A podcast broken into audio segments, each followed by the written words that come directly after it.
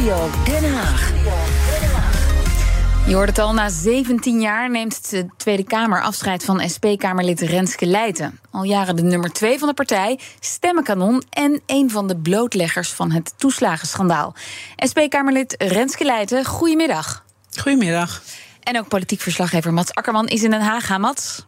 Goedemiddag. Uh, mevrouw Leijten, ja, onlangs uh, namen we bij BNR afscheid van onze politiek verslaggever Sophie van Leeuwen. Zij kon bijna niet bijbenen wat ze in de afgelopen vijf hele intense jaren heeft meegemaakt. Ja, u zat er 17 jaar. Hoe krijgt u dat op een rij op een dag als vandaag? Nou, dat is niet op een rij te krijgen. En uh, ik wist al een tijdje dat ik zou gaan. Dus ik heb best wel een beetje nagedacht over van, nou ja, wat zijn nou echt de hoogte- of diepte, dieptepunten of de meest bijzondere of de meest pijnlijke dingen geweest. En het is gewoon te veel. Dus daartussen kiezen hoeft ook niet op dit moment. Nee, u hoeft zeker niet te kiezen. Maar in, als u nadenkt, welke gebeurtenissen springen er dan in positieve zin uit? Laten we daar eens beginnen. Nou, eigenlijk van alles. Uh, heel veel leuke samenwerking die er is geweest. Heel veel humor die we hebben gehad. Uh, bijzondere wetten en amendementen die zijn aangenomen. Maar eigenlijk altijd wanneer het lukte om de publieke tribune of de Statenpassage vol te hebben met mensen. En om dan het verschil te zien wat er dan gebeurt met wanneer je een debat voert met een lege tribune. Dat ja. was toch eigenlijk wel altijd een hoogtepunt. Ah, een mooi detail is dat. Uh, Mats, het is heel erg veel wat er gebeurd is. Maar jij hebt voor ons gelukkig een korte biografische schets van de afgelopen 17 jaar. Ja, Renske Leijten kwam in uh, 2006 in de Tweede Kamer. Dat was toen uh, het jaar van de monsteroverwinning van de SP onder leiding van Jan Marijnissen. Die hadden toen 25 zetels. Daarvoor was ze voorzitter van de jongerentak van de SP, van Rood. En ze werd door Marijnissen gevraagd voor de kandidatenlijst van de SP. Kwam op plek 9 terecht en kwam zo in de Tweede Kamer. Nou, de SP werd in al die jaren steeds een beetje kleiner. En de portefeuilles werden dus ook steeds een stuk groter. Hmm. En Renske Leijten kwam in 2012 voor het eerst op de tweede plek van de lijst te staan. Daar stond ze ook weer in 2017 in 2021.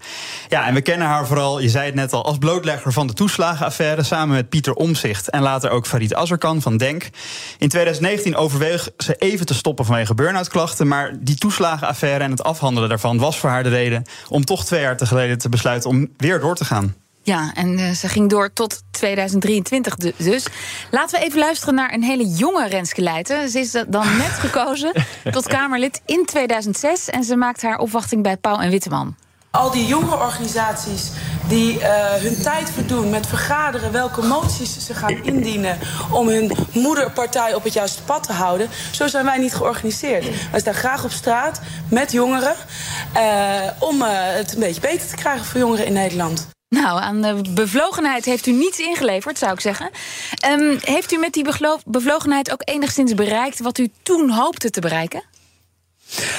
Nou, wilt u het eerlijk op het politieke antwoord? U bent bijna politiek af. Mogen dus het eerlijk zijn? Ja, nee, nee, nee. Ik ben ook altijd wel van het, van het eerlijke antwoord geweest. Waar ik, ja, nee, nee, ja en nee. nee. Uh, kijk, ik uh, had als ambitie uh, armoede de wereld uit. dat is niet de gebeurd. De wereld ook? Ja, nou, om te beginnen met Nederland en om te beginnen bij kinderen. En dat is niet gebeurd. En zo zijn er nog wel een aantal dingen waarvan ik, waar ik lang ook woordvoerder op ben geweest en veel op heb gestreden, ook met mensen. Uh, en dat is niet gelukt. En er zijn ook ontzettend veel dingen wel gelukt. Mm -hmm. Dus um, als ik terugkijk, dan kijk ik toch vooral ook terug op snoeihard werken en eigenlijk alleen iets bereiken als ik het met mensen deed. En mevrouw Leijten, u haalde bijna 144.000 voorkeurstemmen. Dat is bijna een kwart van alle stemmen op de SP. De SP heeft ook al jaren geen verkiezingsoverwinning meer geboekt. Ja, hoe moet het dan verder met de partij als uh, nu ook het stemmenkanon vertrekt? nou, dan moeten ze een nieuw stemmenkanon krijgen. Nee, ja, ik, ik heb het altijd heel erg schizofreen gevonden om naar te kijken. Dat mensen dan zeiden hoe mooi ze het vonden, hoe strijdbaar ik was en hoe ik de menselijke maat terugbracht in de politiek en volksvertegenwoordiger was. Terwijl ik dacht, ja, dat ben ik en dat doe ik omdat ik SP'er ben. Um, en al die keren dat mensen zeiden van, nou, ik steun Renske Leid wel, maar ik ben niet van de SP, dan dacht ik, ja, dat is misschien precies het probleem. Dat je niet ziet dat mijn persoonlijke inzet en uh, nou ja, mijn, mijn persoonlijke uitstraling, dat dat juist wel de SP ook is. Maar is dat een probleem van de kiezer of een probleem van de partij? Het is uiteindelijk ook een probleem voor de kiezer als de SP klein wordt. Ja, nee, maar dat, dat, dat uh, imageprobleem, dat ze denken dat u apart staat van de SP. Ja, ja, ja, ik vind dat ik heb dat echt heel ingewikkeld gevonden. Omdat ik mijzelf. En dat is ook waarom ik afgelopen zaterdag mijn afscheid bij mijn partij heb aangekondigd. Ik wilde dat op de partijraad doen met de leden die de partij dragen in afdelingen. En die mij ook het mandaat hebben gegeven om in de Tweede Kamer zo lang te zitten. En daar wilde ik mijn afscheid aankondigen en niet ergens anders. En ik vind dat ingewikkeld. Ik heb daar niet een antwoord op. Um, maar tegen iedereen die zegt, uh, nou, het is toch wel een aderlating voor de politiek, maak vooral de SP groot. Want dit is wel gewoon SP-politiek wat je had met mij. Ja, um, Mats, met Renske Leijten vertrekt er nu opnieuw een ervaren Kamerlid. In ieder geval een van de meest ervarene. Uh, dat is best een aderlating. Ja, zeker. Ja, vorig jaar bijvoorbeeld Khadija Ariep, oud-Kamervoorzitter van de PvdA. Iets recenter vertrokken twee CDA-Kamerleden met tien jaar ervaring.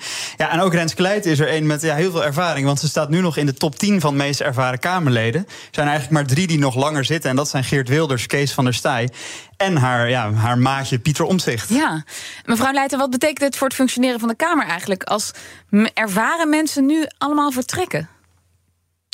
Ja, wat het zorgelijke is voor de Tweede Kamer is niet een individu die vertrekt, maar vooral partijen die het niet belangrijk vinden om uh, bij verkiezingen ook talent te houden. We hebben zoveel nieuwe Kamerleden, ook omdat bijvoorbeeld de VVD. Uh, heel veel jonkies erop heeft gezet en heel veel ervaring heeft laten gaan. Dat kan natuurlijk nooit afhankelijk zijn van één of twee personen. Mm. Maar dat die zittingsduur steeds korter wordt en dat je daarmee ook ziet dat je dus ook, uh, nou ja, het, het ja, ik noem het liever niet een spel, maar toch het begrijpen hoe je parlementaire middelen inzet, hoe je druk mhm. opbouwt, hoe je een dossier groot kan maken.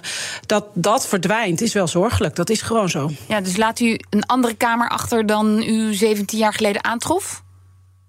Oh, dat vind ik zo ingewikkeld om te zeggen. Toen ik 17 jaar geleden kwam, had ik echt geen flauw idee. Ik was echt een naïef vogeltje en ik dacht na een jaar van wat doe ik hier? Het mm. was allemaal zo traag en ik wilde ook echt weg. Ik heb toen tegen Jan Marijnis gezegd, joh, we zoeken een andere plek voor mij in de samenleving waar ik lekker de boel op stelte kan zetten. En toen heeft hij ervoor gekozen, samen met de fractie natuurlijk, om mij een soort van uh, parlementair buitendienstkamerlid te maken om acties te voeren op de thuiszorg. Die was toen net gedecentraliseerd. Ja, en dat heeft mij toen. Uh, laten zien hoe ontzettende kracht je hebt als je buiten parlementair mensen organiseert en acties voert en in het parlement het woord kan voeren. En toen kreeg ik er lol in. En dat heb ik tot het einde gedaan. En dat is natuurlijk wel ook weer atypisch voor andere partijen.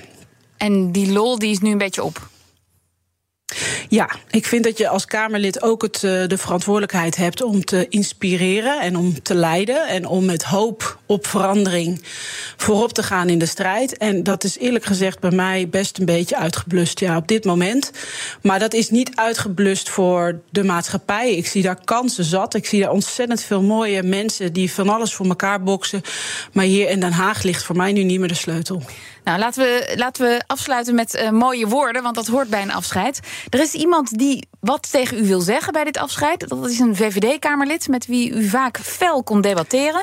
En ter introductie van hem bij zijn eigen afscheid in 2020 zei toenmalig voorzitter Khadija Ariep dit tegen hem. En zoals die ene keer, dat vergeet ik ook nooit, in het ledenrestaurant een aantal jaren geleden, toen Renske opgewonden en blij kwam vertellen dat ze ging trouwen. Waarop jij zei: Ik wist niet dat je ook ja kon zeggen. Oud-VVD-Kamerlid Anne Mulder, goedemiddag. Goedemiddag. Goed dat u bij ons bent. Heeft u ook een afscheidsboodschap of afscheidswoorden voor Renske Leijten? Ja, ik vind het ontzettend jammer dat ze, dat ze gaat. Uh, ze is ontzettend strijdvaardig en ze was ook letterlijk een schouder voor de toeslagenouders. ik heb dat gezien als voorzitter van de Kamercommissie Financiën. Mensen kwamen echt naar haar toe. En ik denk dat je dan een hele goede volksvertegenwoordiger bent als mensen zo naar je toe komen.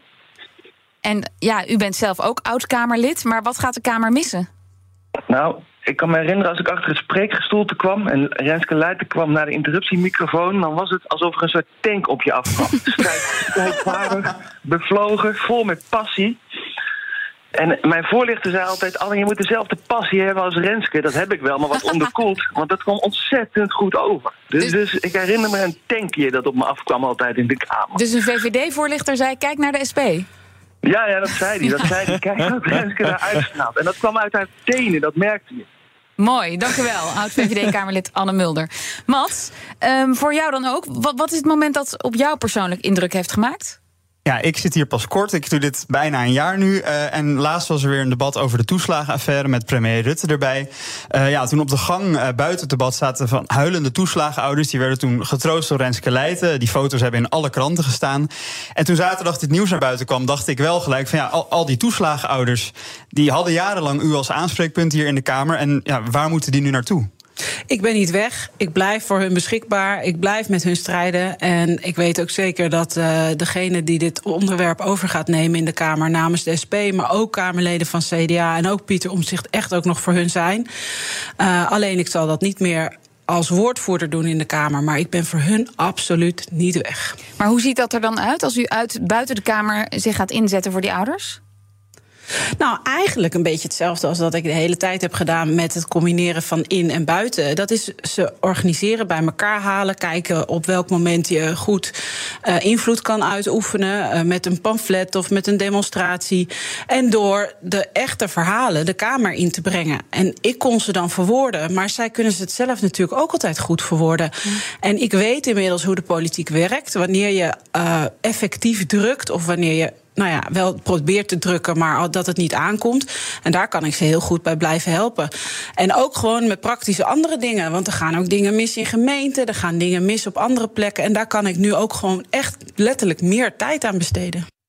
Dank, SP-Kamerlid Renske Leijten en politiek verslaggever Mats Akkerman. Ook Thomas van Zeil vind je in de BNR-app. Je kunt live naar mij luisteren in Zaken doen. De BNR-app met breaking news, het laatste zakelijke nieuws... en je vindt er alle BNR-podcasts, bijvoorbeeld Het Nieuwe Geld. Download nu de gratis BNR-app en blijf scherp.